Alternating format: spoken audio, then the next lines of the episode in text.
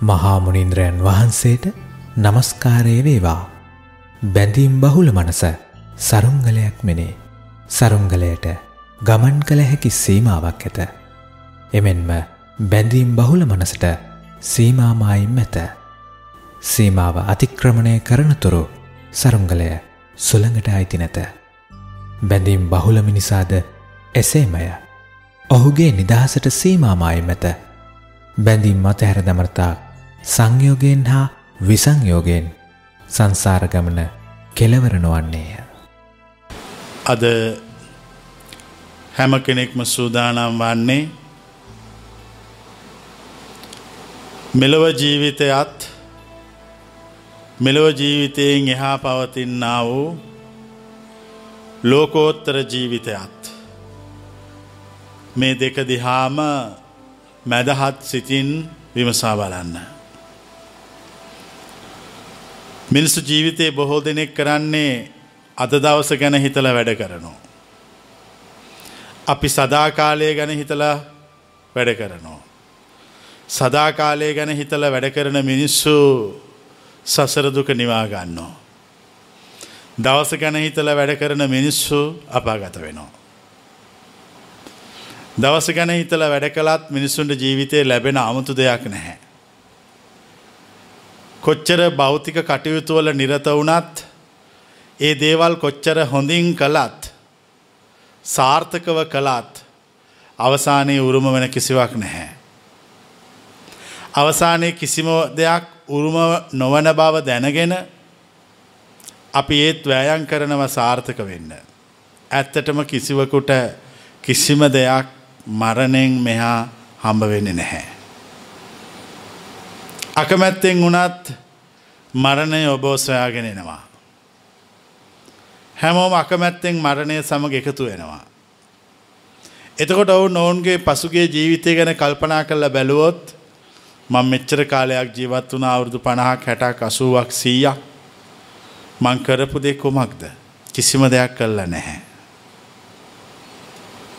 නිස්සාර ජීවිතයට සාරයක් එකතු කිරීම පිණිසත් හිස් බවින් පිරිච්ච ජීවිතයට පූර්ණත්වයක් එකතු කිරීම පිණිසත් අන්දකාරය තුළ ගිලි ඇති ජීවිතයට ආලෝක එකතු කිරීම පිණිසත් අපි ජීවත්වෙන ක්‍රමය වෙනස් කරමු. ජීවත්වීම සඳහා අලුත් ක්‍රමයක්. හිතීම සඳහා අලුත් ක්‍රමයක්. කතා කිරීම සඳහා අලුත් ක්‍රමයක්. වැඩ කිරීම සඳහා අලුත් ක්‍රමයක් අපි හඳුන්වා දෙනවා. ඒ අලුත් ක්‍රමය තුළින් හැම දෙනාගෙම ආත්මය අලුත් වෙනවා. තමා අලුත් වෙනවා. තමා අලුත් කරගන්න අකමැති කිසිවකුට ඒ නිර්වාණයට යන්න අවසර නැහැ.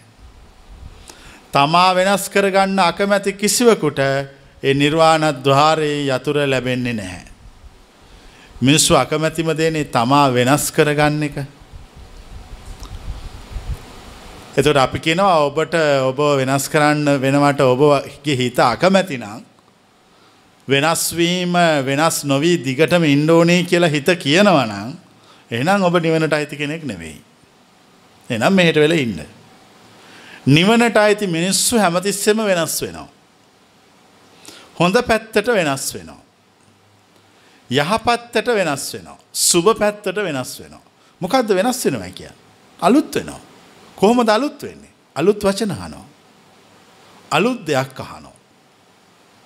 මෙහෙම තමා විසින් තමා වෙනස් කරගෙන යනකොට තමාගෙයි කියලා තමා හිතාගත්තු බොහෝ දේවල් තමාට අහිමි වෙනවා. තමාගේ කියලා තමා හිතාගත්ත බොහෝ දේවල් තමාට අහිමි වෙනවා. ඒක තම අපට කරගන්න ඕන වෙලා හිටියේ. අපට ඒ කියලා හිමි කරගත්ත උරුම කරගත්තු දේවල් ගොඩක් තියාගෙන සාර්ථකත්වයට අවබෝධයට පූර්ණත්වයට නොයා ඒ දේවල් වලට නෑදෑකං කියමින් ඒ දේවල් වලට ඇලිලා ඒ දේවල් වලට බැඳිලා ආසාාවෙන් ජීවත් වනා. එම දිගට ජීවත් වේගෙන වේගෙන යනකොට තේරුණා අපි බැඳිච්ච අපි බලාපොරොත්තු වෙච්ච අපි ආසාාවෙන් හිටපු දේවල් අපටත් නොකයා හොරෙන් යන බව. එතකොට තමයි කල්පනා කළේ. දැන් අපි අලුත් ක්‍රමයක් උගන්වනවා කිසිවකට ආශාවෙන් නොබැඳෙන්න. කිසිවක් ප්‍රාර්ථනා නොකරන්න. අහිමිවීම හිමිවීම ලෙස සලකන්න. මොකක්ද සලකන්න හිමිවීම ලෙස අහිමිවීම හිමිවීම ලෙස සලකන්න. අහිමි වුණානං යමක් ඒක මට හිමි වුණා. එතකොට ඔහුගේ හිත ශක්තිමත්. නිවන කරා යන ගමනේදී බොහෝ දෙනෙකුට ආතරයිටිස් හැදෙනවා. සන්දියේ අමාරු. ආතරයිටිස් හැදුනාම ඇවිදින්න බැරි වෙනවා. ඇවිදින්න බැරි වුණාම නිවන් දැකීම නිවන කරා යන ගමන නවතිනවා. ආතරයිටිස් හැදෙන්නේ හිත හයිය නැති මිනිස්සුන්ට. ඒ මාර්ගයේදී. කාටහරි ආත්ම ශක්තිය තියෙනම්. තමුන්ට අවශ්‍යදේ තමුන් බලාපොරොත්තු වන දේ තමුන්ට හොඳයි කියලා හිතන දේ නෙවෙයි තමුන් වෙනුවෙන් කරගත යුතු දේ. එක දෙකක්.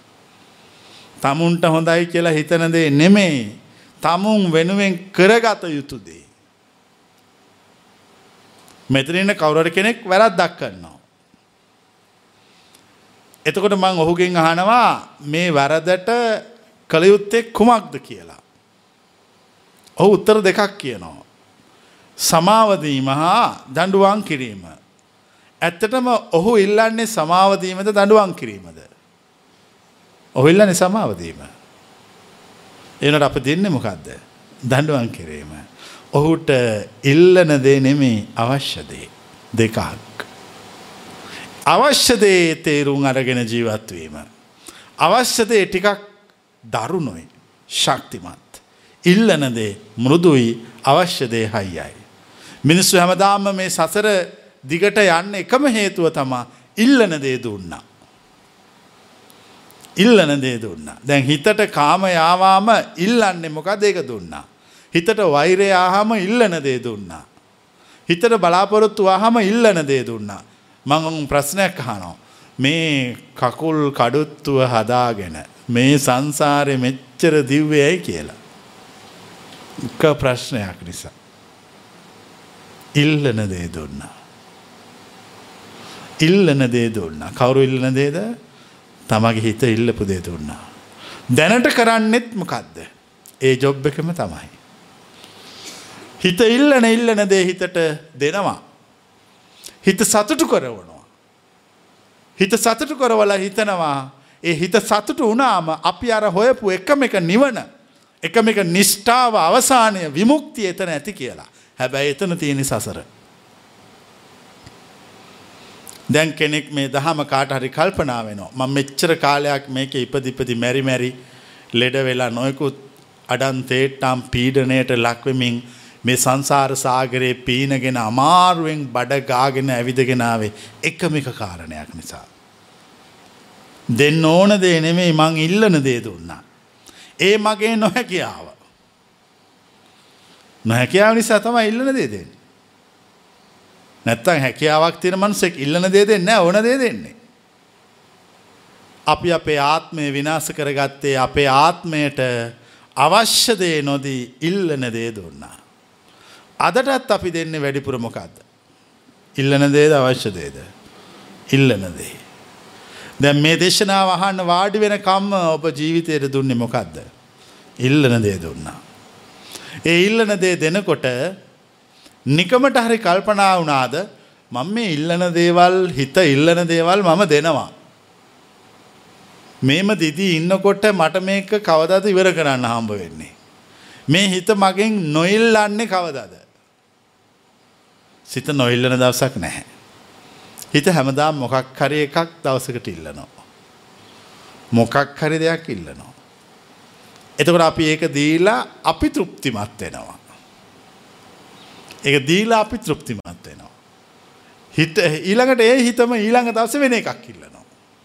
ඊට පස්සේ අපි ඒක එදාට දෙනවා. දීලා අපි සතුටු වෙනවා. අපි සතුටු වෙන්නේ. හිත ඉල්ලන දේ දීලා අපි සතුටු වෙනවා. එච්චර වෙන වෙන මුකුත් වෙන්නේ මෙහෙම දිගට ගියාම කෙනෙකුට හිතෙනවා ඒක අනිත් පැත්ත. මම මෙච්චර කල්ම කළේ හැමදාම හිත ඉල්ලපු දේ දුන්නා. හිත හොඳයි කියලා මට යම් ඉඟියක් දුන්නොත් මං ඒ හොඳයි කියලා ඉඟි කරපු දේ සොයාගෙන ගියා. ගිහිල්ලා ඒක හිතට අරගෙන මෙන්න කියලා දුන්නා. හිත මම ඒක දීලා මම සතුටු වුණා. සමහර දේවල් හිතට දුන්නාම හිත කිව්වා මේක හරියන්නේ නැහැ මේක එපා කියලා. එතකොට අපි ඒක හිතට දුන්නේ නැහැ. ජීවිතේ එකවරක් දෙවරක් තමුන්ගේ හිත ඉල්ලපු නැති දේවල් තමුන්ගේ හිතට දුන්නොත් හිත තමුන් සතුටු කරවනවාද අසතුටු කරවනවාද අසතුටු කරවනවා හිත තමුන් අසතුටු කරවනවා සමස්ත ජීවිතයම මිනිස්සු ප්‍රෝගෑම් කරලා තියෙන්නේ සතුටු වීම සඳහා හිත ඉල්ලන දේ දුන්නොත් විතරයි සතුටු වෙන්න පුළුවන් හිත නොඉල්ලන දේ දුන්නොත් සතුටු වෙන්න බැහැ. ඒ නිසා මට සතුට ඕන නිසා తాවකාලික අතෘප්තිකර සතුට ඕන නිසා මම හිත ඉල්ලන දේ දෙනවා. දැන් ඒක තමයි අපේ සංසාරේ. මට කල්පනා වුණා මෙහෙම. මේ හිත ඉල්ලන දේ දුන්නොත් ඒ හිත ඉල්ලන දේ දිදී හිත සන්තෝෂ කර කර අපි දිග ගමනක එනවා. අපි දන්න කාලෙ කල්පනා කරල බැලුවොත් අවුරුදු හතලයක් පණහක් හැටක් හැත්තෑවක්. මේ කාලය ඇතුළතම අපි ඉල්ලන දේවල් දුන්නා. හිත මම සතුටු වුණා මට එතනින් එහා මොකුත් ලැබුණේ. ඊට පස්සේ අපි අනිත් අයගෙනුත් අහලා බැලුවා ඕගොල්ලොත් ඕගොල්ලෝගේ ජීවිතවල හිත ඉල්ලපු දේ දුන්නාද? දුර්ක ඔව් අපි ඒක තමයි කරේ. එතකොට ඕගොල්ලන්ට සතුටක් ලැබුණාද? ඔව් සතුටක් ලැබුණා. එතන එහාට එතන එහාට මොකුත් නැහැ. එහෙනම් මිනිස්සු ජීවත් වෙනවා කියලා කරන එකම එක දේ තමයි තමුන්ගෙන් හිත ඉල්ලන දේ වල් හිතට දීලා තමුන් සතුටු වෙන එක. කොබලන්න මේක තේරිච්ච අය. දැන් මට තේරෙනවා මගේ සංසාරය ඒක උඩ තියෙන බව. දැන් මට ඕන මේ සසර දුක නිවලන් නිර්වාණයට පත්වෙන්න. මම මේ තාක් පදවගෙන ආපු රථය පැදවීම නවත්තලා පස්සෙන් පස්සට රිවස් එකට යන්න පටන් ගත්තා. එතෝට මම මෙහෙම කළා. ඉල්ලන දේ දුන්නොත් සතුටු වෙනවා හිත. සතුටු වුණා වෙලා ඉවර වුණාම ලැබෙන දෙයක් නෑ. කොබලන එක තේරිච්චයි. මට දැන් මේක ලැබෙන දෙයක් තියෙන්ට ඕන. මම කරනවා මෙහෙම. සිත අකමැතිදේ සිතට දෙනවා. සිත කැමති සීනිකන්න. මට කියනවා මගේ සිත ගෙල්ල සීනි බොතල ඇරලා සීනිටයක් කන්න කියලා. මං සීනි කනවා. එතර මම්ම සීනි කාලා මම සතුටුවෙන්. එකන මම හිතට වහල්කං කරනවා දාසකං කරනවා. මංකෙනක තේරෙනවද හිතට වහල්කං කරනවා. හිත සීනිකන්න කිව්වාම මම සීනිකාලා හිත සතුට වෙන්න මම සතුටු වෙනවා. හිතට වහලෙක් වෙලා මං ජීවත් වෙනවා. එතුන් අපට කල්පනා වෙනවා මම හිතට වහලෙක් වෙලා ඉන්න ඕන්නෑ. මම එක කඩාගෙන නැගිටින්ඩ ඕන. ඒක හරියට අර ගලිවර් කාටුනේ හැමෝම බල්ලා තියෙනවා. ගලිවර් මූති ගහගෙන ගියාම අර කුරුමිට්ට ටික මොකක්ද කරේ. කකුල් දෙකේ ඉඳලා මාපටැඟිල්ල ඉඳලා කෙස් ගස් දක්වාම කොන්නක ඉඳලා එතුවා. ගලිවරයට නින්ද ගීල හිටියේ. සිහියාපු ගමන් මොකක්ද කරේ. අර ඔක්කොම කඩාගෙන එක පාට නැගිට්ටා. දැන් මටත් ඕන එහෙම නැගිටින්න. මටත් ඕන එහෙම නැගිටින්න. මටත් ඕන එකට ක්‍රමයක් සොයා ගන්න. සිත ඉල්ලන දේ දීලා සතුටු වෙලා හිටියොත් මමත් නින්ද කියපු ගලිවර් කෙනෙක්. කොබලන තේරෙනයි.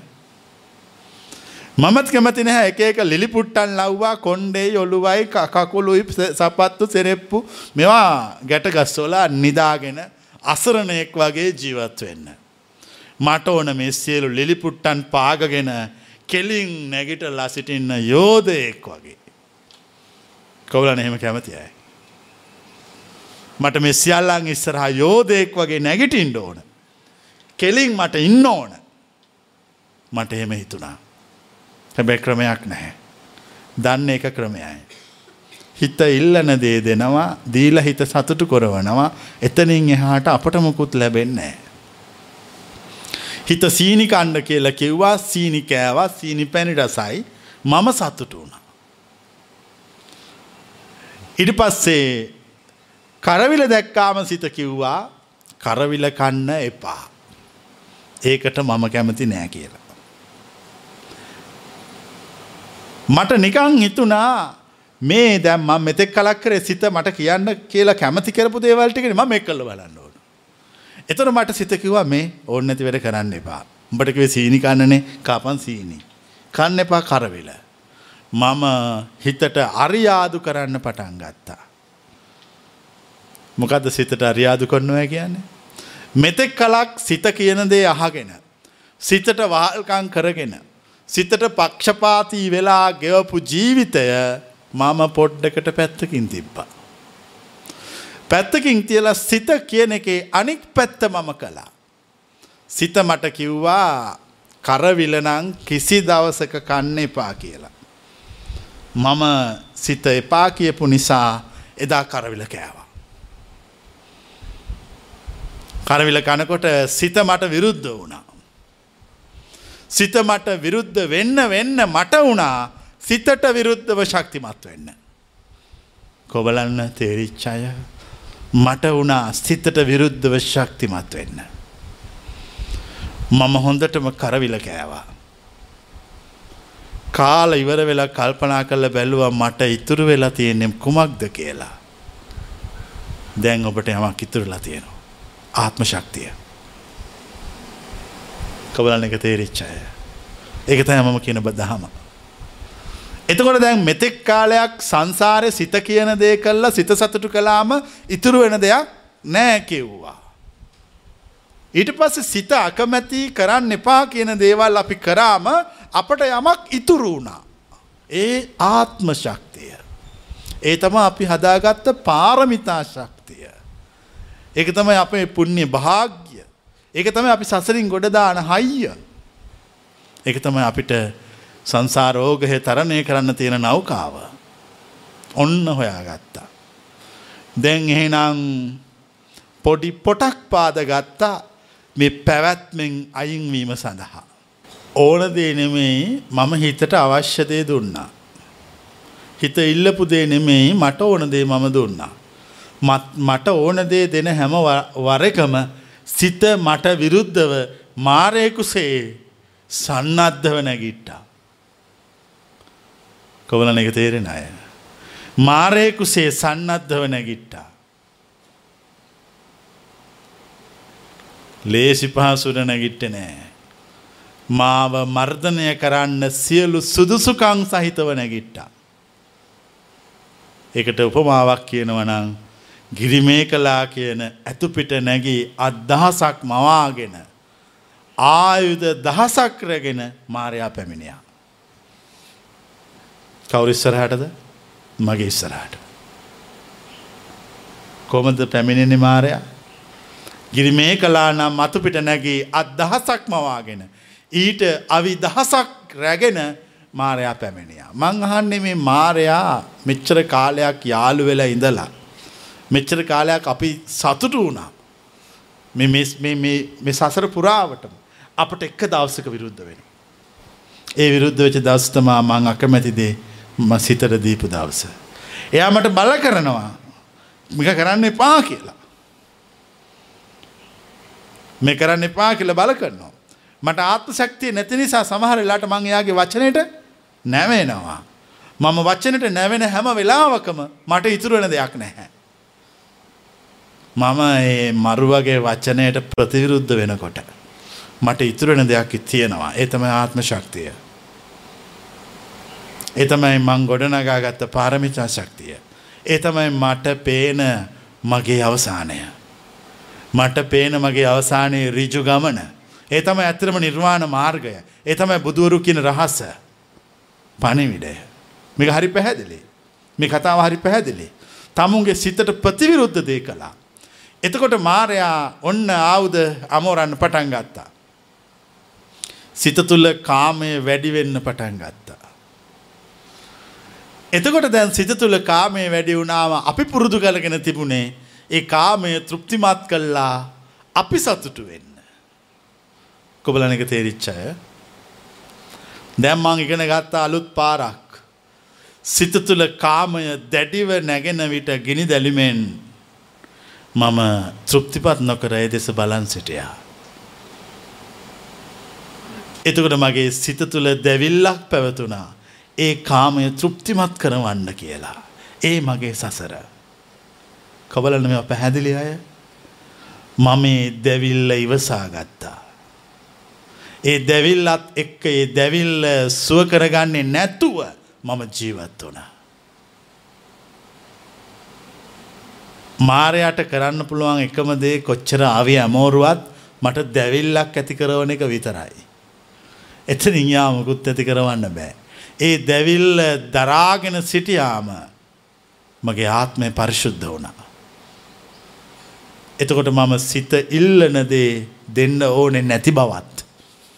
සිත ඉල්ලනදේ දෙන්නේ ආත්ම විශ්වාසය නැති පාරමී ශක්තියක් නැති හිත හයිය නැති බුදුවරු රහතුන් දැකලා නැති ගොම්මිහරක් බව මම අවබෝධ කරගත්තා.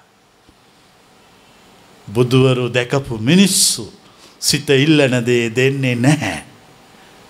සිතට නොඉල්ලන දේ දෙනවා.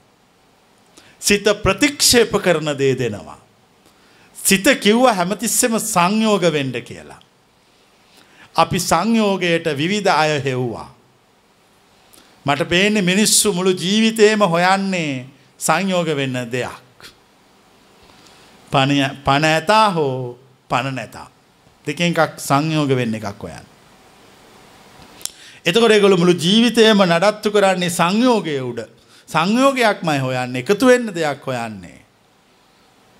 කවුරු හරි දෙන්නෙක් හමු වුණාම ඒ දෙන්න කවදාකවත් ගොළු වෙලා ඉන්නේ කතා කරනවා. සංයෝග වෙනවා. ඇත්තට මේගොල්ලෝ කතා කරනෝ නෙමෙයි සංයෝග වෙනවා. ඒක තුල පවතින්නේ සසර. ඒක තුළ පැව ඒක තුළ පවතින්නේ නිමක් නැති ගමන. මෙවා මේවයි අපට අයින් වෙන්න ඕන දැන්. මෙව දැන් ඇති. මේවා නිසා විඳවපු ප්‍රමාණයත් හොඳටෝම ඇති. මේ කුණු ගොඩවල් කරේ තියාගෙන බදාගෙන ගිහිල්ලා ඒවා ඒ තිබිච්ච කුණු අතපය හැම තැනම ගෑවිලා අපිරිසිදු වෙලා ඉන්නේ. දැන් පිරිසිදු වෙන ක්‍රමයක් ඕන. මම පිරිසිදු වෙන ක්‍රමය ඔබට පැහැදිලිව කිව්වා. මොකද්ද ක්‍රමය? සිත නොඉල්ලන දේ දෙන්න කිව්වා. සිත නොඉල්ලන දේම දුන්නා. දැන් අපි පාරයනකොට මිනිස්සු අපට බැන්නා. දොස් කිව්වා. සමවරු අපට බොරු චෝදනා නැගවා. අපි ඒවට උත්තර දුන්නොත් අර දැවිල්ල සමනය වෙනවා. කොබලන තේරෙන අය. මම ඒවට උත්තර දුන්නේ නෑ මම නිහඬ වුණා.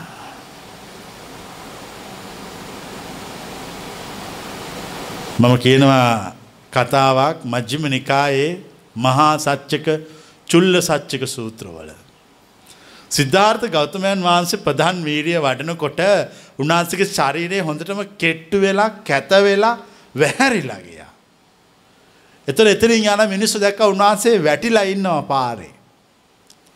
එතකොට කිව්වා දැන් සිද්ධාර්ථ ගෞතමයන් වහන්සේ කළු වෙලා. සිද්ධාර්ථ ගෞතමයන් වහන්සේ වෙනද වගේ නෙමෙයි ඇදිලා ගිහිල්ලා කෙට්ටු වෙලා. අපරාධය රාජමාල්ලිගාවේ සැපට ඉන්න තිබ්බ මෙතන ඇවිල්ලා මේ ගස් යට කන්න බොන නැතුව ඇදගෙන වැටිලා බොරුවට විඳවන්නේ නැතුව. උන්වහන්සේ ඔක්කොම අහගෙන හිටියා. ඒනට උත්තර දුන්නේ හැයි. තමුන්ගේ බලාපොරොත්තු එක නොවන නිසා. කවුරුහරි යනවා නම් හැමෝටම යන්න තියෙන එකම පාරක්. හැමෝටම පුළුවන් වෙන්න ඕනේ කරන නින්ද අහගෙන ඉන්න. මොන දේ කිව්වත් කිසිම කම්පනයක් නැතුව කිසිම චලනයක් නැතුව. ඉන් පස්සේ වැඩියෙන්ම බැනුම් ඇහුවේ මම. මම ගේත් එතෙන්ටමයි. ගිහිල්ල බැලුවාම දෙන්නම හිටපු තැන එක තැනක්. දැන් එතකොට කාට හරි එතෙන්ට යන්න ඕන නම් කුමක් කළ යුතුද? ඇනුම් බැනුම් නින්දා අපහාස සියල්ලට පිළිතුරු නොදී මුනිමත රැකිය යුතුය. ඒවට පිළිතුරු දුන්නොත් හිතේ වේගය සමනය වෙලා සසරට එකතු වෙනවා. ඒවට පිළිතුරු නොදී නිහඬව හිටියාම තමුන්ට තමුන් කෙරෙහි ඇති කෑදරකම. තමුන්ට තමුන් කෙරෙහි ඇති ආලය ආදරය නිස් නැති වෙලා යනවා. නැති වෙලා යනවා. මිනිස්සු හැමතිස්සෙම වෑයන් කරන්නේ තමුන්ගේ ප්‍රතිරූපය රැකගෙන ජීවත් වෙන්න. හොඳ නම රැකගෙන ජීවත් වෙන්න. ගෞරවය රැකගෙන ජීවත් වෙන්න. යුක්ති සහගත බව පෙන්නගෙන ජීවත් වෙන්න. අපි ඒවා ඔක්කොම අතෑරලා දානවා. අතෑරලා දාලා ඊට ප්‍රතිවිරුද්ධ වෙච්ච මාර්ගයක් අපි අනුගමනය කරනවා මක් නිසාද මේ සසර දුකින් ගැලවීමට ඇති අත්‍යවශ්‍යතාවය නිසා. දැන් කෙනෙක් මං කියපු මග වඩන්න පටන් ගන්නවා. එයා කලින් ජීවත් වුණේ හිත කියපු කියපු දේ කළා හිත කිව්වාම නිදාගන්න කියලා නිදාගත්තා. ඊට පස්සේ කන්න කිව්වම කෑවා ඇවිද්දා මහා වදයක් වුණා මේක. ඊට පස්සේ එයාට වුණා මේ සියල්ලෙන් ගැලවෙන්න. ගැලවෙන්න එයාට ක්‍රමයක් නැතුව හිටියේ ඔන්න ක්‍රමයක් කිව්වා. සිත කියන එකේ අනිත් පැත්ත කරන්න. අනිත් පැත්ත කරන හැම වෙලාවකම ඔබේ සිත ඔබ පරීක්ෂාවට ලක් කරනවා. තව තේරෙන භාෂාවෙන් කිව්වොත් ඒ මාර්ගය වඩන හැම වෙලාවකම මම කෝට්ටක් ළඟ තියාගෙන ඔබ ළඟට වෙලා සිටිනවා. කොබලන එක තේරෙනයි. මම කෝට්ටක් ළඟ තියාගෙන ඔබ ළඟින් සිටිනවා. කියන්න මොකක්ද කියලා. අවසරයි ස්වාමීන් වහන්සේ තෘප්තිමත් කරන හැම වෙලේකම මේ කෝට්ටෙන් පහර දෙනවා. ඔව්. එයා මාර්ගය වඩන්න ආවේ. එයා මේකෙන් ගැලවිලා දුක නිවන්න ආවේ. ඒ කෝට්ටෙන් පහර දෙනවා. ඒතර එයාට තෘප්තිමත් කරන්න බැරි වෙනවා. එතකොට එයා තීරණය කරනවා මට කොච්චර කරත් ගැලවෙන්න බෑ. මට යන්න වෙන්නේ නිවන හොයාගෙන මම කාගෙන නිවන හොයාගෙන යනවා කියන එක. කාගෙන නිවන හොයාගෙන යනවා කියන්නේ මොකද්ද? කුළු හරකෙකුට කසිප්පු පොවලා.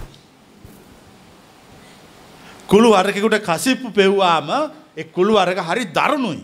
ඒකට ඇත්තටම අරමුණක් නැහැ. කුළු හරක කියන්නේ කොහොමත් දරුණුයි. මෙල්ල කරන්න බෑ. මෙල්ල කරන්න බැරි කුළු හරකෙක් අල්ලලා කසිපු බෝතල් පහයක් පෝල පෝල පෝල පෝල අත ඇරියොත් එක මොකක් වගේ වේද? අන්න ඒ වගේ මම යනවා. මට එතකොට මවුද මව්පියෝ කියලා මට විශේෂයක් නැහැ. මගේ අරමුණට විරුද්ධ වෙන සියල්ලම විනාශ කළා දානවා.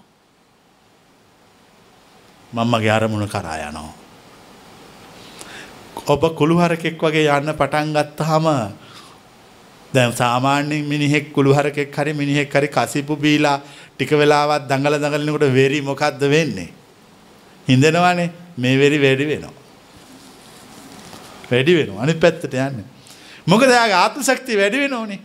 එයාගේ ආත්ම ශක්තිය අර අර දේවල් කරමින් අර සියලු අභියෝග ප්‍රශ්න ඒ සියල්ලට කිසි ගාණක් නැතුව සමාජය තුල වේගයෙන් හරියට ඒක කියනවා නම් මහා දරුණු මිනිමරුවෙක් කඩුවක් අසිපතක් අතින්ගෙන යනවා වගේ. ජීවිතාසාව පිළිබඳ අරමුණක් බලාපොරොත්තුවක් නැතුව. එතකොට ඔහුට දැඩි බවක් හයියක් ඔහුගේ ඇතුළෙන් නැගිටින්න පටන් ගන්නවා. ඕගොල්ලෝ තාම වාඩි වෙලා ඉන්නේ ඒ කාවේ නැති නිසා. ඒ කාවනම් එහෙම ඔගොල්ලෝ වාඩි කරවන්නේ ඔක්කොම මේ වගේ පුටුවල. ඒක හරි බලවන්තයි. මිනිස්සෙකුට මනුෂ්‍ය ලෝකේ ගන්න තියෙන වටිනාම සම්පත තමයි ඒක. හැබැයි ඒක සංසාරයෙන් වහලා තියෙන්නේ. ඒක මේ හැම කෙනෙක් ළඟම තියෙනවා. ඒ වේගය ඒක තමයි ආත්ම ශක්තිය. ඒක ඇති කරගත්තොත් හරියටම කවුරු හරි ආයි යා මේ පැත්ත බලන්නේ මේ පැත්තට ගිහිල්ලා මේ පැත්ත ඉවර කරලා දානවා. හැබැයි ඒක ගන්න බෑ හිත ඉල්ලන දේ දිදී හිටියොත්. දැන් අපි කිව්වා හිත ඉල්ලන දේ දෙන්න එපා කියලා. හිත නොඉල්ලන දේ දෙන්න කියලා. දැන් ඔන්න දිගටම හිත නොඉල්ලන දේ දෙන්න පටන් ගත්තා. එතකොට හිත හරි කපටි. හිත දැනගන්නවා මෙයා නොඉල්ලන දේ දෙන්නේ ඒ නිසා මං හැමදේම මෙයාගෙන් නොඉල්ලමින් සිටිනවා කියලා. එතකොට ඔබ ආයි මාරයට අහු වෙනවා. ඔය නිවන් මගේ තැන් තැන් වල මරුවා සිටිනවා. පරිස්සමින් යන්න. අර තේලපත්ත ජාතකයේ පසේ බුදුන් කොසල් කුමරුට කියන්නේ මග මරුවා මග සිටිනවා යකුන් මාරයා සිටිනවා. යක්ෂයන් සිටිනවා. එවුන්ගෙන් පරිස්සම් වෙන්න. පරිස්සම් වෙන්න කියලේ පසේ බුදුන් ගල් ටිකක් වැලි ටිකක් මතුරලා අර කොසොල් කුමාරයාගේ අතට දෙනවා. මේ මතුරපු වැලි අරගෙන යන්න ධර්මය අරගෙන යන්න. මේ පැන් අරගෙන යන්න. මේ ධර්මයේ ධර්මයේ දෙන්නේ වෙන මොනවද ගල් දුන්නයි කියලා ඒවන් යක්කුන්ට කවට යක්කු ගල් වලට බය නෑ. ගල් වලට බය නම් උන් යක්කු නෙවෙයි. බය නෑ යකුන් ඒවට. ධර්මය කියලා දුන්නේ සියල්ලෙන් මගාරින වේදිය. ඊට පස්සේ කිව්වේ දැන් යන්න කියලා. ඒ යනකොට ඒ කියනේ වහු වුණා. ඒ කියනේ වහු වුණා මේගොල්ලන්ගේ සහචරයන්ට කිව්වා ඒ පසේ බුදුන් කිව්වේ මෙන්න මේවා. මෙන්න මේවා තමයි අපට මගදී හමු වෙන යකුන්. උඹලා මේවට අහු වෙන්න එපා කියලා. ඒ වුණාට උන්ගේ තිබිච්ච කෑදරකම හින්දා ඒ කාලකන්ණේ මිනිස්සුන්ට අහු වුණා. අර කොසල් කුමාරයෙකුට අහුනේ නෑ. එයා යාගේ අරමුණට ඍජුව ගමන් කළා. ඔහු රාජ්‍ය ලබා ගත්තා. එවත් ඔව් නිර්වාණ රාජ්‍ය ලබා ගත්තා. මං ඔබටත් කියනවා ඒ පසේ බුදුන් කියපු කතාව ආයිසරයක්. ඒ යන විදිය.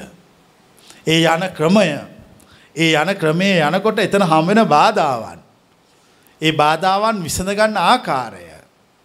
මේ දේශනා කරන නිවන් මඟ හරි පැහැදිලි. කිසිම අවුලක් නෑ. ඕන කෙනෙකුට කරන්න පුළුවන්. ඕනම ආගමක ඕනම ජාතික කෙනෙකුට. මම දන්න බුද්ධ වචනය ඒකයි. ඒ බුද්ධ වචනයට කුලයක් ගෝත්‍රයක් ආගමක් ජාතියක් නැහැ. ඒ බුද්ධ වචනය සමස්ත මානව වර්ගයාගේ සුභසිද්ධිය පිණිස. සමස්ත මානව වර්ගයාගේ යහපත පිණිස පහළ වෙන එකම වචනයක්. ඒකට කිසිම බාහිර සාධකයක් බලපාන්නේ නෑ. සිත ඉල්ලන දේ දෙන්න එපා කොයිලාකවත් සිත නොඉල්ලන දේ දෙන්න. සිත නොඉල්ලන දේ දෙනකොට හිත හයිය වෙනවා. කොබලනේ අත්දැකීම අත්දැකීමක් වශයෙන් තියෙන අය. සිත නොඉල්ලන දේ දෙනකොට හිත හයිය වෙනවා. මේ හැමෝගෙම හිත ශක්තිමත් වනේ මේ දහම අහන්න කලින් බලාපොරොත්තු නොවෙච්ච සිද්ධීන්ට මුහුණ දෙනකොට. කොබලන එක හරි කියන අය. තමුන් හිතපු නැති විපත්. තමුන් හිතපු නැති සිද්ධි එක පාටම ජීවිතය වුණා මේක අහලා නැහැ එතකොට. එතකොට ඒගොල්ලෝ කල්පනා කළා ඒගොල්ලන්ට පෙර පුරුද්දට වගේ මං දැන් හයියට ඉන්න ඕන කොහොම හරි. මම දැන් ශක්තිමත්ව ඉන්න ඕන කොහොම හරි. එහෙම හිටියා. ඉඳලා ඉවරලා ටික වෙලා ගිහලා බැලුවාම පුදුම හයියක් නේ ඇතුලේ තියෙන්නේ. මමවත් දැනගෙන හිටියේ නෑ මගේ ඇතුළ මෙච්චර ශක්තිමත් කියලා.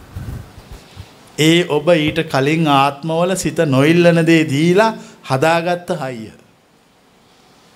ඒක මේ අදහදුප එකක් නෙමේ සසර ඒක තමයි පාරමිතා පිරුව කියන්නේ. ඉතින් කාටාරි ඒක උපරිමයටම තියනං එයා පාරමිතා පිරූ බවට එයාට සාක්ෂි. ඔහුට ඔහු සාක්ෂි. කාටහරි කෙනෙකුට විශ්වාස නම් තමුන් පාරමිතා පිරූ බවට ඔහුට නිර්වාණය සුපැහැදිලි. කවලන මං කියන වචන තේරෙනය. ඉති එතුර ඔහුගේ සසර අවසන්. මේ දේශනාව දිගට ආගෙන ආගෙන ඉන්නකොට මේ දේශනාවට හොඳට කන් දෙනකොට මේ දේශනාවෙන් හොඳ සීයෙන් ආගෙන හිටියොත් ඇත්තටම මේ දේශනාව මේ මල්ලත්ත වගේ.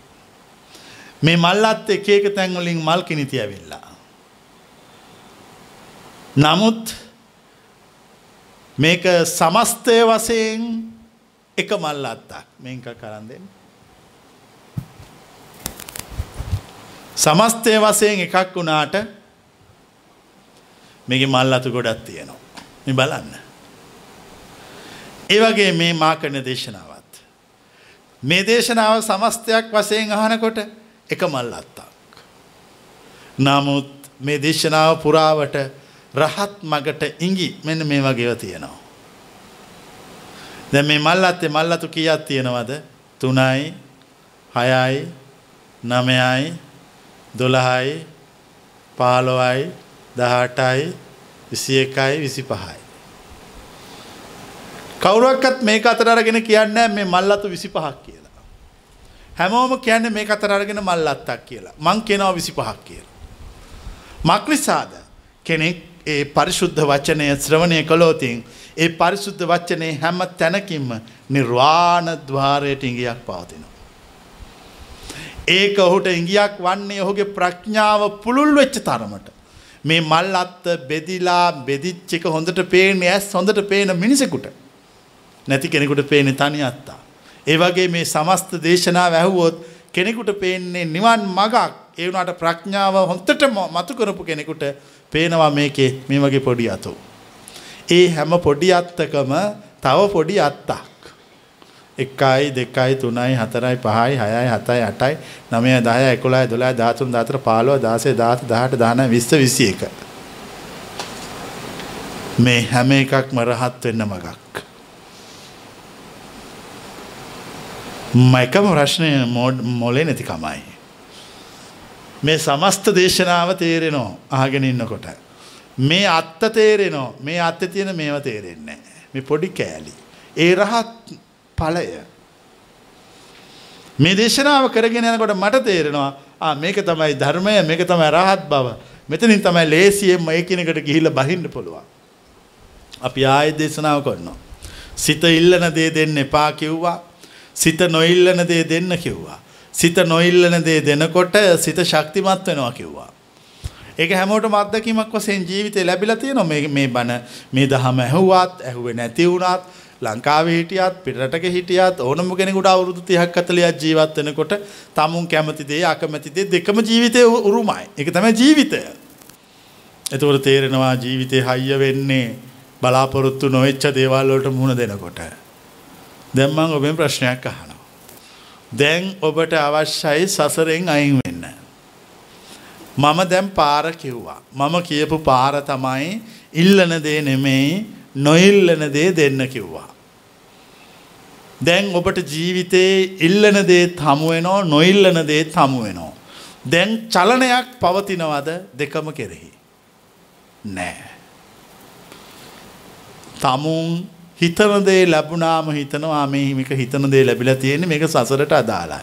මේක නොහිතන දේ ලැබුණාම හිතන අන්න ඒක තමයි මං හොයන්නේ. ඒක මට නිවනට අදාළයි. වෙනදා වහ කදුරුයි කියලා ප්‍රතික්ෂේප කරපු දේවල් වලින් තමයි ඔබ අවසානයේ අභිෂේක කරන්නේ. මොනවෙන්ද අභිෂේක කරන්නේ? ඒ නිර්වාණයේදී ඔබ අභිෂේක කරන්නේ ඔබ ප්‍රතික්ෂේප කරපු දේවල් වලින්. සීනිවලින් අභිෂේක කරන්න නෑ මං මිනිස්සු මං කරවිල වලින් අභිෂේක කරනවා. එයා ප්‍රතික්ෂේප කරපු දේවල්ම අවසානයේ එයා වඩාත්ම කැමති දේවල් ලෙස එයාට පෙන්වා දෙනවා. ඔහු නිවනට ගිහිල්ලා ඉවරයි. අපට එහෙම කරගන්න බැරි අපේ හිතේ හයිය නැති නිසා. හිත හයිය නැත්තේ අපි හැමදාම දුර්වල වෙලා භෞතික සම්පත් වලට ආශා වෙලා මේ භෞතික සම්පත් ඇත්තක් කියලා හිතලා ඒකත් එක්ක අපි බැහැලා ජීවත් වෙනවා. මේක ඇත්තක් නෙවෙයි. මේක මායාවක්. සිහිනයක්, මුලාවක්. මේ සිහිනේ මුලාව මායාව සත්‍යයි කියලා අපේ මෝඩකමට අපි හිතලා තියෙනවා. මෝඩකමට සත්‍යයි කියලා හිතපු නිසා සත්‍යයි.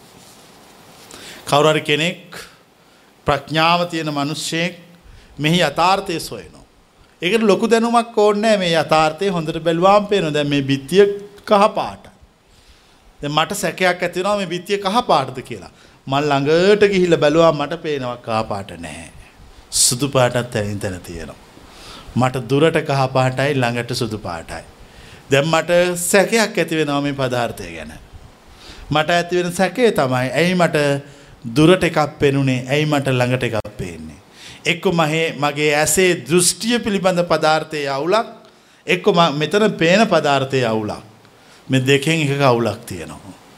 මේ දෙකෙන් එකක අවුලක් තියෙනම් මේ දෙකම මායාවක්. මේ දෙකම මායාවක්. චක්කු විඤ්ඥානය මායාවක්. එක තේරුම් ගැනීම පමණයි අපි කරන්නේ. තේරුම් ගැනීම පමණයි කරන්නේ. තේරුම් ගත්ත කෙනා අවබෝධයට පත්වෙනවා. ඒ මායාවක් වන්නේ ඒ මායාවක් කියලා නොදන්න නිසා තමයි අපි එකට බැඳෙන්නේ. මේ බිත්තිය ලස්සනයි කියලා මේකට ආසාාවෙන් බැඳිලා මේක ආරක්ෂා කරන්නේ මේක යථාර්ථය දන්නේ නැති නිසා. යථාර්ථය දන්න කෙනා මේ ඕනුවට වඩා රැකගෙන ඔළුව තියාගෙන ජීවත් වෙන්න එයා නිදහසේ ජීවත් වෙලා නිදහසේ ඉඳලා නිදහසේ මිය යනවා නැවත නූපදින්නම. නැවත නූපදින ක්‍රමය තමයි අපි හැමම හොයන්නේ. අපට හම්බවෙන්න නැත්තෙත් ඒකමයි. හැමෝම ප්‍රතිපත්ති පුරලා සිදැන් අද පෝය දවසි බලන්න ඔය පන්සල් ටික ඇවිදලා. මොන්න තරම් බොරුවද්ද කරන්නේ. ඒ බොරුව දී බොරුව කල්ලා අපි කොතෙන්ටද යන්නේ. යන්න තැනක් නෑ අපාය මිසක්. වෙනතනම් අපි ආලා තියෙන්නේ පොත්පත්වල පෝය දවසට යමරජ්ජුරුවෝ මේ නඩු පොතත් අරගෙන ඔහුගේ මහා ඇමතිලා ලේකන්ලත් එක්ක මනුස්ස ලෝකෙට ඇවිල්ලා ඒ මිනිස් මනුස්ස ලෝකෙ මිනිසු කරන පින්කම් බලලා ඒවා ඔක්කොම සටහන් තියාගෙන යනවා කියලා. දැන් ඉතින් යමයා ආවොත් යමයාට අමුතුවෙන් බලන්න පින්කමක් කවුරුවත් කරන්නේ නැහැ. මෙහෙට ආවොත් නම් යමරජ්ජුරුව සතුටු වේවි ආ යන්න මීට අවුරුදු දහස් ගානකට කලින් දේ ආය සිද්ධ කරන එකම එක තැනක් මනුෂ්‍ය ලෝකේ තියෙනවා. අපි යමන් එතෙන්ට අනිත් කොතන ගියත් කරන්නේ බොරුව. වංචාව. තමනුත් නොදන්න මිනිස්සුත් නොදන්න අහලත් නැති තැනකට සාධනාදතිය තිය එක්ක යන්න මිත්‍යා පූජා මිත්‍යා විශ්වාස හා මිත්‍යා දේශනාව ඔස්සේ මිනිස්සු එක්කගෙන යනවා. ඒවා ඔක්කොම බොරු. ඒ මොන එක ඇහුවත් අපට ඕන දේ වෙන්නේ නෑ. අපට ඕන දේ කරගන්න නම් අපට අපේ හිත හරී කියන දහම. අපේ හිත හරී කියලා විශ්වාස වෙච්ච ඉගැන්වීම අපට හමු වෙන්න ඕන. එම නැතු අපට කවදාකත් මේ සසරෙන් ගැලවීමක් නෑ. සසරෙන් ගැලවෙනවා කියන එක මහා වැඩක් නෙවෙයි. එක මේ අපි පොත්පත්වල අහපු නිවනනේ අපට අමාරු ඒ වුණාට ඉතින් දකින්න එක ලේසි. පොත්පත්වල තියෙන එක අමාරුයි. පොත්පත්වල තියෙන එක කරන්න යනවා අවුරුදු 75000ක්වත් අඩුම තරමේ. හැබැයි නිවන් දකින්න එක පාරටම. දැන් අපි මෙතන කල්පනා කරනවා මේ පොත්පත්වල තියෙන එක අමාරු නිසා කරලා ඉවර කරන්න ඊට වඩා ප්‍රායෝගික ක්‍රමයක් කොහේ හරි ඇති කවුරු හරි කෙනෙක් කියාවි කවදකාරී එතකන් ඉන්න. ඔන්න දැන් කියන්න පටන් ගත්තා. ඒ ඉංගිය ඔබට දැන් ලැබුණා. දැන් ඔබේ වාරයයි. හැබැයි යන්න තියෙන හිත සතුටු කරවන මාර්ගයක නෙමෙයි හිත අසතුටු කරවන මාර්ගයක. ඒ හිත අසතුටු කරවන මාර්ගය තුළ ආත්ම විශ්වාසය හිතේ හයිය සැඟවී පවතිනවා. එතුර අපිට අවශ්‍ය වුණොත් මේ හරිදේ සොයන්න ඔබට ඔබ යන පාර හරි බව තේරුම් ගන්න එකම ඉංගියක් අපි කියනවා ඔබේ ආත්ම විශ්වාසය වැඩි වෙනවනං පාරහරි. කොමද පාර හරි වැරදි බව දැනගන්නේ හරි ලේසිනේ බලන්න හරි ඔක්කොම මේ මග සලකුණු පැහැදිලිව දේශනා කරලා තියෙනවා. ඒ මග සලකුණු පැහැදිලිව කියලා තියෙනවා. මග සලකුණු කියනවා කියන්නේ එකින් එක කියනවා. මෙතන අතන අතන කණුවක් තියෙනවා. තව ටිකක් දුරට ගියහන් තමිලි ගහක් තියෙනවා. ඊට හැන් දිරච්ච කොටයක් තියෙනවා. ඊට හැන් කළු ගලක් තියෙනවා. ආන්නේ පාරේ යන්න. අන්තිමට නිවන පවතිනවා. ඒ වගේ අපි මේකෙත් ඔක්කොම ටික කියනවා. කවුරු හරි මාර්ගය හරියට වඩනව නම් හරියට අනුගමනය කරනව නම් හරියට මාර්ගයට අනුගත වෙලා නම් ඒ අනුගත වෙච්ච පුද්ගලයාට ආත්ම විශ්වාසය වැඩෙන්න ඕන. ඒ ආත්ම විශ්වාසය දවසින් දවස මෝරන්න ඕන. දවසින් දවස මෝරන්න ඕන. ආත්ම විශ්වාසයට පනුව ගහනව නම් එයා නිවන් මගක් වඩලා නැහැ. ආත්ම විශ්වාසයට පනුව ගහලා නම් එයා නිවන් මගක් වඩලා නැහැ. එතකොට Tamanට දවසින් දවස තේරෙන්න ඕන මගේ හිත වෙනදට වඩා හරිම හයියයි. මට ඕන දෙයක් කරන්න පුළුවන්. මට කරන්න බැරි කිසිම දෙයක් නැහැ. දැන් මට කවුරු නැති වුණත් කමක් නැහැ. අඩු තරමේ මට දැන් මංවත් ඕන්නේ ඉතින් එයා රහතේ. මට මංවත් ඕන්න නැතිලු. මට මං හිටපු නිසා නෙමේ ඔක්කොම කරදර වුණේ. මට මං හිටපු නිසානේ අනිත් අය ඕන වුණේ. කොගලන්න මෙව තේරෙන අය? මට මං ඕන නෑ. ඒ කියන්නේ මට මේ කිසිවක් ඕන නෑ. මං වර්ධනය කරපු ආධ්‍යාත්මීය ශක්තිය හොඳටම ප්‍රමාණවත් මගේ මේ ගමන අවසන් කිරීම සඳහා. මේ දේශනාවල් අහගෙන අහගෙන අහගෙන යනකොට ආධ්‍යාත්මික ශක්තිය මෙහෙම අවදි වෙන්න ඕන. හැබැයි අවදි වෙලා ඒකට පණුව ගහන්න දෙන්න එපා. දැන් සමහරු කරන්නේ මෙහෙම අවදි කරගන්නෝ ඊට පස්සේ පණුව ගහනවා ඒකට. පණුව ගහම ආයෙ හැකිලෙනවා. අපි ඒකට පණුව ගහන්න දෙන්නේ නැහැ. අපි ඒක අවදි කරගන්න. අපි ඒක ගැන හැමතිස්සෙම පරීක්ෂා කරනවා. ඔබ වඩන මඟ තුල ඔබට අසීමාන්තික නිරාමිස් තෘප්තියක් තිබිය යුතුයි. මං කරපු එක හරි කියන එක. ඒ හරි කියන එක මම කියපු නිසා නෙමෙයි තමුන්ට දැනෙන නිසා. තමුන්ගේ හිත හයිය වෙන්න ඕන. හිත හයියයි කියලා කියන්නේ ඇත්තටම තමුන්ට කිසිම සාපේක්ෂ ලෝකයේ පිළිබඳ කිසි බැඳියාවක් කිසි හිරවීමක් නැතුව ඕන දෙයක් කරන්න පුළුවන්. ඒක තමයි හිතේ හයිය කියන්නේ. දැන් ඕක කරන්න බැරි නිසානේ මේක ඉපදිපදි මෙරි මෙරි දිගට තොරතෝංචියක් නැතුව ආවේ. අපි මේ ආපික දැන් අවසන් කරගන්න ඕන. ඉතින් අවසන් කරගන්න අපි ඉංගිය සපයනවා. අපි දහම කියනවා. දහම කිව්වට ආත්මය හයිය නැති නිසා ගොඩ නැතුව බලන් ඉන්නවා. ඔරුව ඇවිල්ලා තියෙන්නේ මිනිස්සු නගින්න බයයි. මොකද්ද මං කිව්වේ? ඔරුව ඇවිල්ලා තියෙන්නේ මිනිස්සු නගින්න බයයි.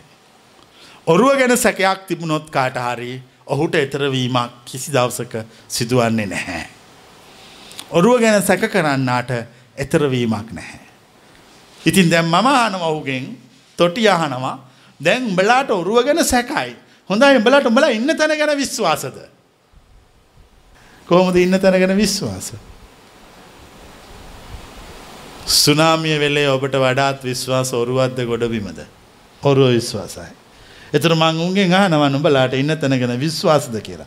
එතර කියනවා එහෙම කියන්න බෑ කියලා. එතර මං කියනවා දැන් ඉන්න තැන ගැන විශ්වාසයක් නැත්තම් එහෙම කියන්න බැරි නම් දැන් නැගහල්ලා ඔරුවට කියලා. එතර කියන ඔරුව විශ්වාස නැහැ කියලා. ඊට පස්සේ මං කියනවා මෝඩ කතාවක් කියන්නේ. තොටියෙක් ඇවිල්ලා ඔරුවකුත් එක්ක කතා කරනවා ඇතුළට එන්න කියලා. එතකොට කියනවා ඔරුව විශ්වාස නැහැ කියලා හැබැයි ඉන්නෙත් ඒ වගේම අවිශ්වාසයක් උඩ. කවුරු හරි කෙනෙක් මේ දෙකම අවිශ්වාස බව ප්‍රත්‍යක්ෂ කරනවා. එතකොට කුමක්ද කරන්නේ? දෙකම අවිශ්වාස බව ප්‍රත්‍යක්ෂ කරනවා. මා කියන්නේ කිසි වෙලාවක ඔරුව විශ්වාස කරන්න කියලා. මොකද එතකොට වැරදි. මං කියන්නේ දෙකම අවිශ්වාස කරන්න කියලා. දෙකම අවිශ්වාස කරපු කෙනා මොකද්ද කරන්නේ?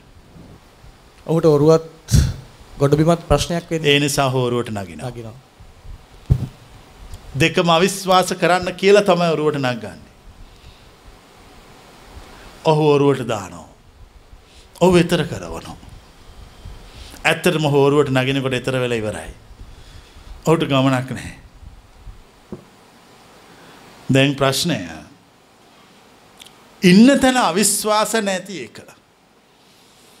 ඉන්න තැන අවිශ්වාස නැත්තේ ඔබ ඔබ කෙරෙහි ඇති ආශාව නිසා. ඔබ මහපොළොවට ආදරය කරන නිසා. භූමියට බැඳිල නිසා.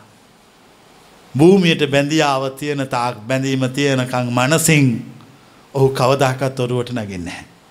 ඔහු හැමදා මේ භූමිය මැරි මැරි මැරි මැරි ඒක මාහාර කර ගනිමින් ඉපදිපදි ඒකෙම පණුවෙක් වගේ කුරුල්ලෙක් වගේ මාළුවෙක් වගේ ගමන් කොන්නවා. ඔහුට ඒක එපාවෙච්ච දවසට ඔහුට ඒක තේරුමක් නෑ කියලා ඉදිච්ච දවසට ඔහුට ඒක අවිශ්වාසයක් ඇති වෙච්ච දවසට ඔහු තොටිය ඇවිල්ලා කතා කරනකොට ඔරුවට නගින්න කියලා ඒගොල්ලෝ නගිනවා. ඒ නගින්නේ හැමෝම නෙමෙයි. ගොඩබිම අවිශ්වාස වෙච්ච මිනිස්සු. ඒ අවිශ්වාස වෙච්ච මිනිස්සු ඔරුවත් අවිශ්වාස කරලා නගිනවා. හැබැයි ඔරුව හරි තැනට යනවා. ඔරුව හරි තැනට ගියාම ඔවුන් පිළිගන්නවා. අපිව නිවැරදිම තැනට එක්කගෙන ආවා. හැබැයි නිවැරදිම තැනට එක්කගෙන යන්නේ නිවැරදිම තැනට එක්ක යනවා කියලා නෙමෙයි අවිශ්වාස කළා නගින්න කියලා. ඒක තමයි නංගවන ක්‍රමය ඔරුවට. දැන් තියෙන ප්‍රශ්නය මේ ඉන්න තැන අවිශ්වාස වෙන්න ඕන. මං ඉන්න තැන අවිශ්වාස කරන ප්‍රතිපදාව ඔබට මේ වෙනකොට දේශනා කළ අවසන්. තමුන් ඉන්න තැන අවිශ්වාස කරගන්න ප්‍රතිපදාව මොකක්ද? තමුන්ගේ මමත්වය නැති කරගන්න ප්‍රතිපදාව. මමත්වය නැති කරගත්තොත් ඉන්න තැන අවිශ්වාසයි. කිසිම දෙයක් පිළිබඳව නිශ්චිත භාවයක් නැහැ. අවිනිශ්චිත භාවයක් පවතින්නේ. සසර දුක නිවපු නිවන් අවබෝධ කළ උතුමන් පරම අවිනිශ්චිත භාවයක ජීවත් වෙන්නේ. අවිනිශ්චිත භාවයකින්නේ. විනිශ්චිත භාවයක් තියෙන නිර්වාණය ගැන පමණයි. මේ භෞතිකය පිළිබඳ අවිනිශ්චිත භාවයක් පවතිනවා. භෞතිකය ගැන අවිනිශ්චිත භාවයක් පවතින නිසා ඒ අවිනිශ්චිත භාවයක් පවතින දෙයට බැඳෙන්න පුළුවන්ද. බෑ. මේ මල් කෙනිත්ත තුළ රහතෙකුට බුදු කෙනෙකුට පවතින්නේ අවිනිශ්චිත භාවයක්. අවිනිශ්චිත භාවය නිසා මම ආන්නේ ඒ රහතුන් බුදුවරු මේ මල් ඉබිනවා. මේ සුවඳ බලනවා ඒ වුණාට ඇලෙනවද කියලා. එහෙම ඇලෙන්න බෑ. එහෙම ඇලෙන්න බෑ. අවිනිශ්චිත භාවයක පවතිනවා. ඔගලන්ට මේ කියන ඒවා සමහරට තේරෙන එකක් නැහැ. මොකක්ද ඒ කිව්වේ අවිනිශ්චිත භාවයක ජීවත් වෙනවා කියලා. ඒතකොට අවිනිශ්චිත භාවයක ජීවත් වෙනවා නම් නිකන් ජීවිතේ නිකන් ත්‍රිරෝධ ත්‍රිවිල් එකක් වගේ වෙන්නේ නැතිනේ නෑ. කෝච්චයක් වගේ. හයි අයි පෙරලන්න බෑ කාටවත්. ඒ බුදුරු අවිනිශ්චිත භාවයේ ජීවත් වෙනවා. ඒගොලො විශ්වාස කරන්නේ නිර්වාණය පමණයි. ඒගොලට මේ පදාර්ථයට ඒගොල බැඳෙන් නැත්තේ අවිනිශ්චිත භාවය නිසා. ඒ අවිනිශ්චිත භාවය නිසා අමුතුවෙන් මේක අරගෙන බැඳෙන්න එකක් නෑ. මොකද මේක බැඳෙනවා කියලා කියන්නේ ජීත දුර්වලයි කියන එක. ඒ බැඳෙනවා කියලා කියන නැවත නැවත මේකම ප්‍රාර්ථනා කරනවා කියන එක. ඒ ටික ඔක්කොම දන්නවනේ. ඒ ටික පරතරටම දන්නකොට මේක කොච්චර ඉම්බත්. උන්වහන්සේ මේකට බැඳෙන්නේ මේ කොච්චර ස්පර්ශ කළාත් උන්වහන්සේ මේකට බැඳෙන්නේ මේක කොච්චර මේක කෑවත් උන්වහන්සේ මේකට බැඳෙන්නේ ඒ උන්වහන්සේ මේ ගැන යථාර්ථය සක්සුදක්සේ පැහැදිලි ප්‍රඥාවෙන් අවබෝධ කරගත්ත නිසා. මං කැන ඔගොල්ලන්ට එහෙම වෙන්න කියලා. එතකොට මේ මලේ සුවඳ හොඳට දැනෙනවා. නැවත ප්‍රාර්ථනා කරන්න ඕන ලැබෙන්න ඕන ආයි මේක ගන්න ඕන කියලා සිතක් කිසි දවසක පහළවන්නේ නෑ. එහෙම වෙන්න නං හිතට අන්න අර මුල කියපු කෑල්ල කරන්න ඕන. මොකද මුල කියපු කෑල්ල. අකමැතිදේ බලාපොරොත්තු නොවන දේම සිතට සපයන්න ඕන. ඒ සිතට සපයන සිත තුළ ආත්ම ශක්තිය වැඩි කරවන්න ඕන. ඒ ආත්ම ශක්තිය වැඩි කරවුවෙන් පස්සේ ආය කවදාකත් සිත ලෞකික වන්නේ නෑ. මනුස්සෙක් බත්තු යනවා. හාල් ලිපේ තියලා ඒක ටිකක් තම්බලා ගින්දර නිවනවා. ඒ බත්ත හරි යනවද නරක් වෙනවද. නරක් වෙනවා දවස් දෙක තුනක් යනකොට. ආය දවසකේ මනුස්සයල ඊට පස්සේ දවස් තුන හතරකින් ආය ගින්දර ටිකක් දාලා ආය රත් කළා ආය වහනවා. එතකොට හරියනවද නරක් වෙනවද? නරක් වෙනවා. තා මනුස්සෙක් ඇවිල්ලා මේ බතට හොඳට ගින්දර දාලා බත හොඳටම හොඳ ගානට තම්බලා මේකේ ගින්දර වහනවා. හරිද වැරදිද? කොබලන් හරි කියන අය. මම පිළිගන්නේ මම මෙහෙමයි බත්තු යන්නේ. ගින්දර දාලා මුළු බත් හට්ටියම ගිනි අඟුරු කරලා වහනවා. ඒ බත අවුරුදු කීයක් පවතිනවද? දහස් ගානක්.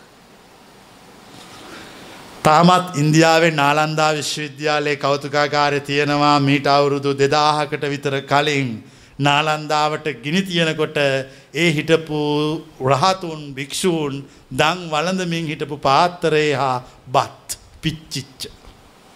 මන් නිකන් නෙමේ මෙව කියන්න. ඒ බත අවුරුදු දහස් ගානක් පවතිනවා. ඒ කියන්නේ ඒකට අය කරන්න දෙයක් නැති කෙරනම කල්ල දානවා. ඉවරයි ඒක. ඔගුල්ලෝ එහෙම හිතෙන්නේ නෑ. හැමෝටම හිතෙන්නේ මේක හොඳ ගාන්ට ලුණු දාලා වෙලා එතනින් මේක නවත්තන්න ඕන කියලා අපි මේක ගිනි අඟුරු කරලා නවත්තනවා. මහා අමුතු බතක් කිව්වේ. හැබැයි ඒක සදාකාලිකයි. අර හැම බතක්ම නරක් වෙනවා. අර ගිනි අඟුරු බත කිසි දවසක නරක් වෙන්නේ ඒ ගිනි අඟුරු බත කන්න කවුරුවත් එන්නෙත් නැහැ. ඒකට සතුරු උපද්‍රව කිසිවක් නැහැ.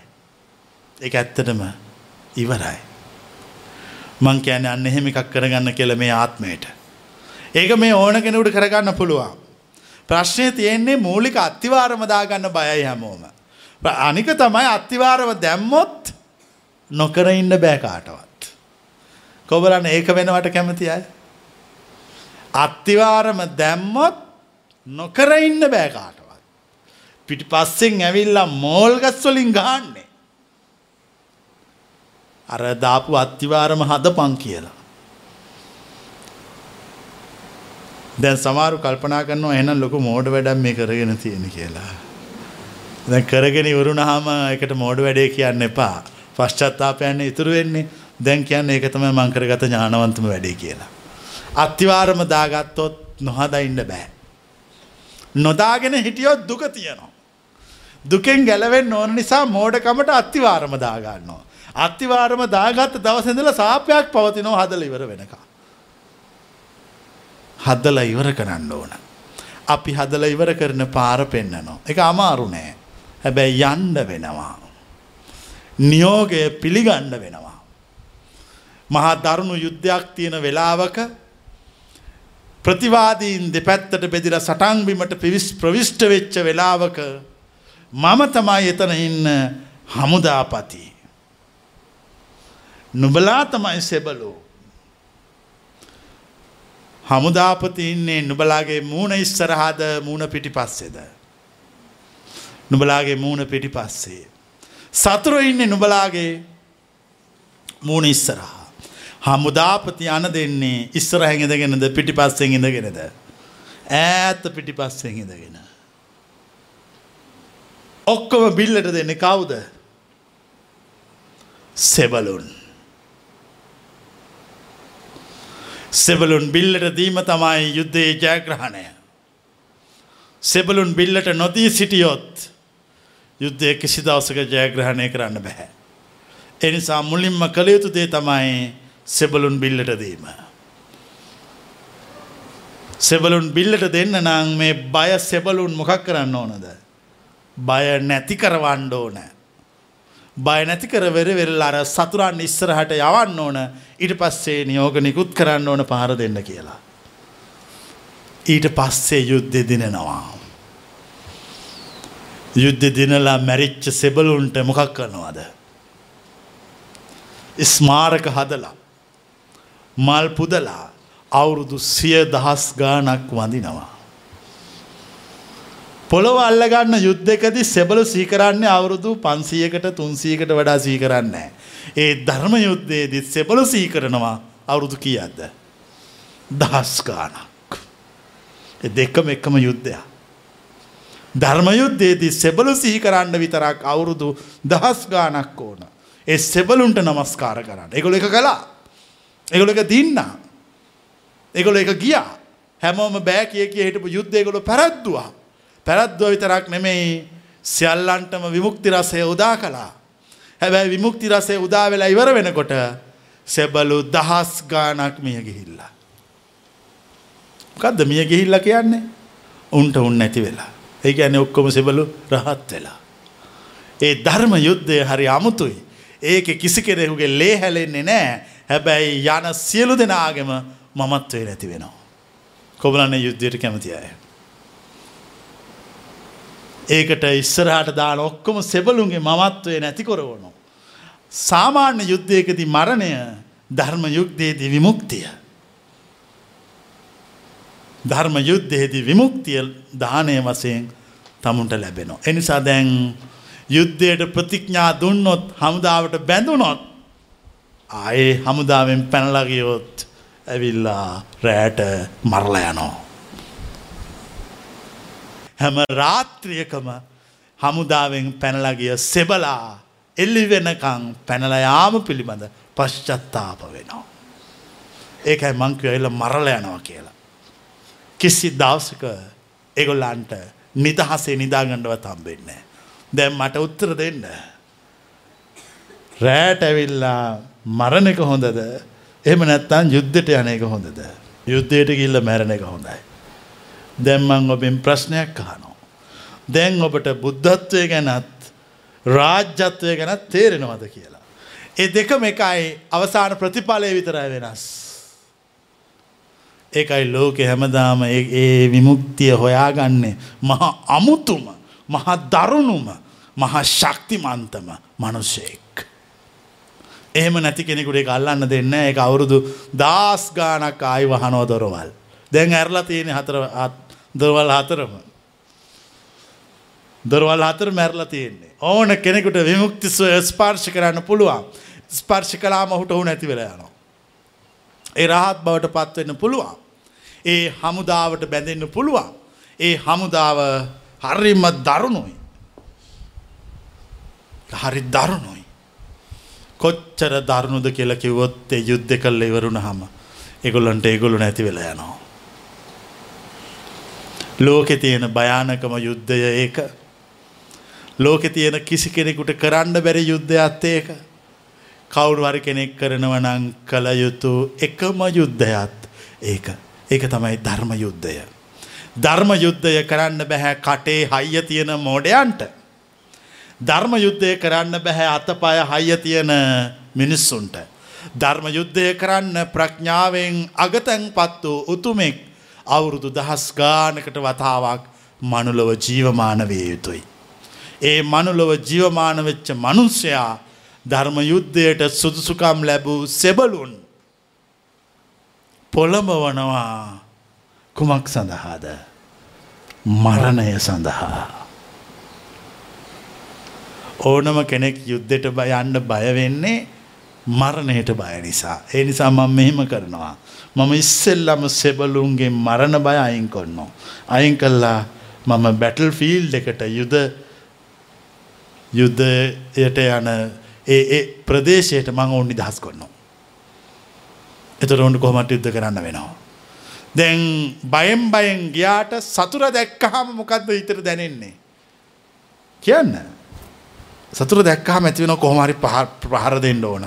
කොහොම හරි යුද්ධය දිනන්න ඕන. ඒ වගේ ඒ ධර්මය අහලා අත්තිවාරම දාගෙන ඔබ නිවන් මගට ප්‍රවිෂ්ට වුණාම ඔබ ළඟට මාරයා එනවා. මාරය ආවාම හොඳ ප්‍රඥාවක් තියෙන ආර්ය ශ්‍රාවකයා දන්නවා මේ ඇවිල්ලින්නේ මාරයා බව. කිසි දවසක බය වෙන්නේ නැහැ යාට. බය වෙන්නේ නැහැ යාට. ප්‍රතිවාදියට බය වෙන්නේ නිර්ලජ්ජිත මිනිස්සු. අපි ප්‍රතිවාදියට බය නැහැ. අපි ප්‍රතිවාදියට හැමතිස්සෙම අභියෝග කරනවා. මොකක්ද අපි කරන්නේ? ප්‍රතිවාදියට අභියෝග කරනවා. සටන සඳහා. යුද්ධය සඳහා. අපි බය නැහැ කාටවත්. අපි සටන සඳහා අභියෝග කරනවා. ඕගොල්ලො සටන සඳහා ප්‍රතිවාදයට අභියෝග කරන්න බයයි. මම දැන් සටන සඳහා ප්‍රතිවාදයට අභියෝග කරනකොට ප්‍රතිවාදයා නොහිට දුවනවා. මක්නිසාද ඔහු එක් වරක් නොවෙයි දහස් වරක් මගේ අතින් පරාජයට පත්වනු නිසා.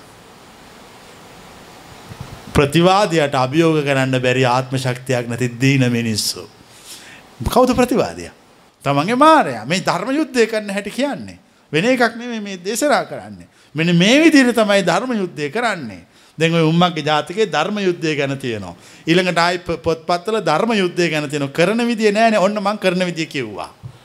ධර්ම යුද්ධයේදී කාගේවත් ලේ හෙල වෙන්නේ නෑ. තමාට තමා හිමි වෙනවා. යම් යුද්ධයකදී තමාට තමා අහිමි වෙනවනං ඒක තමයි බුදුවරු මනුෂ්‍ය ලෝකයට පෙන්වා වදාරණ ධර්ම යුද්ධය.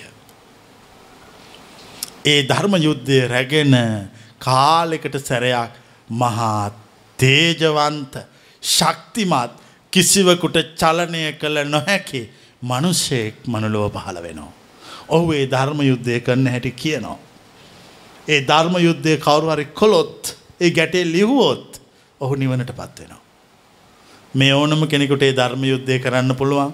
තමන්ගේ ප්‍රතිවාදී අඳුන ගණ්ඩ ඕන ප්‍රතිවාදී අඳුන ගන්න කලින් යුද්ධයට අවශ්‍ය කරන කෑමබීම ආහාරපාන ආවුද ආරක්ෂාව ඇඳුම් සියල්ල ලෑස්ති කර ගනිල්ලා.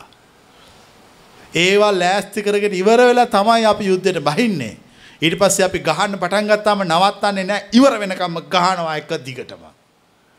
ගාලක් ගාලා යුද්ධ එක්ක අපි එක්ක තොපි දෙකෙන් එකයි. රාජා හෝ මා හෝ ගංගා හෝ. එක්කො රජ එක්කො මම එක්කො ගඟ. අන්නේ හිතේ හයියෙන් යන්න ඕන. ප්‍රශ්නය ප්‍රතිවාදයට අභියෝග කරන බය තියෙන ආත්ම විශ්වාසය නෑ.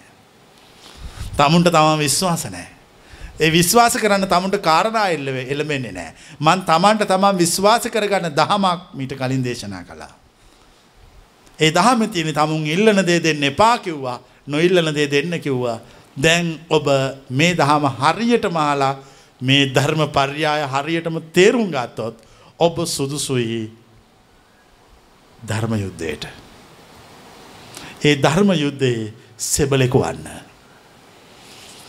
සෙබලාට ඇඳුනුත් ආවුදත් කෑමත් දීලා පිටට ගහල කියන්නේ ආය හම්බ වෙන්න ඕන්නෑ කියලා. සෙබලාට අවශ්‍ය සියල්ල දීලා ඇඳුම් ආවුද පතුරං ඔක්කොම දීලා පිටට ගහලා කණ්ඩ බොන්නත් දීලා කියන්නේ ආය හම්බෙන්න ඕනේ නැහැ කියලා. මං කිව්ව ගහන්න. සෙබලාට කතා කරනවා. මේ ධර්ම යුද්ධය කරන්නේ. කතා කළ ඔහුට අවශ්‍ය තුවක්කු පතුරං ඔක්කොම ටික දෙනවා ඇඳුම් දෙනවා කෑම බීම ඔක්කොම දෙනවා කාලා අවසාන භෝජන රාත්‍රීකුත් ලෑස්ති කරලා දීලා තට්ටු කරලා පිටට ගහලා කියනවා ආය අපි දෙන්න කවදාකවත් හම්බෙන්න ඕනේ නැහැ කියලා අවසරයි සංස මට නම් තේරෙන්නේ මරාගෙන මැරෙන බෝම්බයක් බැඳගෙන යනවා වගේ. හරියට හරි හරියට හරි. ඒගොල්ල තමයි රහතුන්. ඒගොල්ලො සියලු කාමාශාවන් අතික්‍රමණය කල්ලා තියෙන්නේ. අතික්‍රමණය කල්ලා තියෙන්නේ. ඒ අතික්‍රමණය කරන්නේ අර ආත්ම විශ්වාසයෙන්. දැම් මම ලේසි ක්‍රමයක් ආය කියනවා. කාමය නැති කරන්න. වෛරය කෝපය මෙසිියල නැති කරන්න. ඒවා හොය හොය ඒවා බල බල විදර්ශනා කර කර ඉන්න යන්න එපා හරි දිගයි පාර. ඊට වඩ ආත්ම ශක්තිය වඩලා අර සියල්ල අතික්‍රමණය කරන්න. අසූචි ගොඩක් ගොම ගොඩක් පාරක් මැද තියෙනවා. මට කියනවා එක අස් කරන්න කියල මම හරි කම්මැලි. මම කරන්න මොකක් දන්නවද ලොකු පිතුරු ගොඩකින් එක වහනවා. එදා ඇඳල එක මොකක්ද. පිදුරු ගොඩස් පිදුරු ගොඩක්.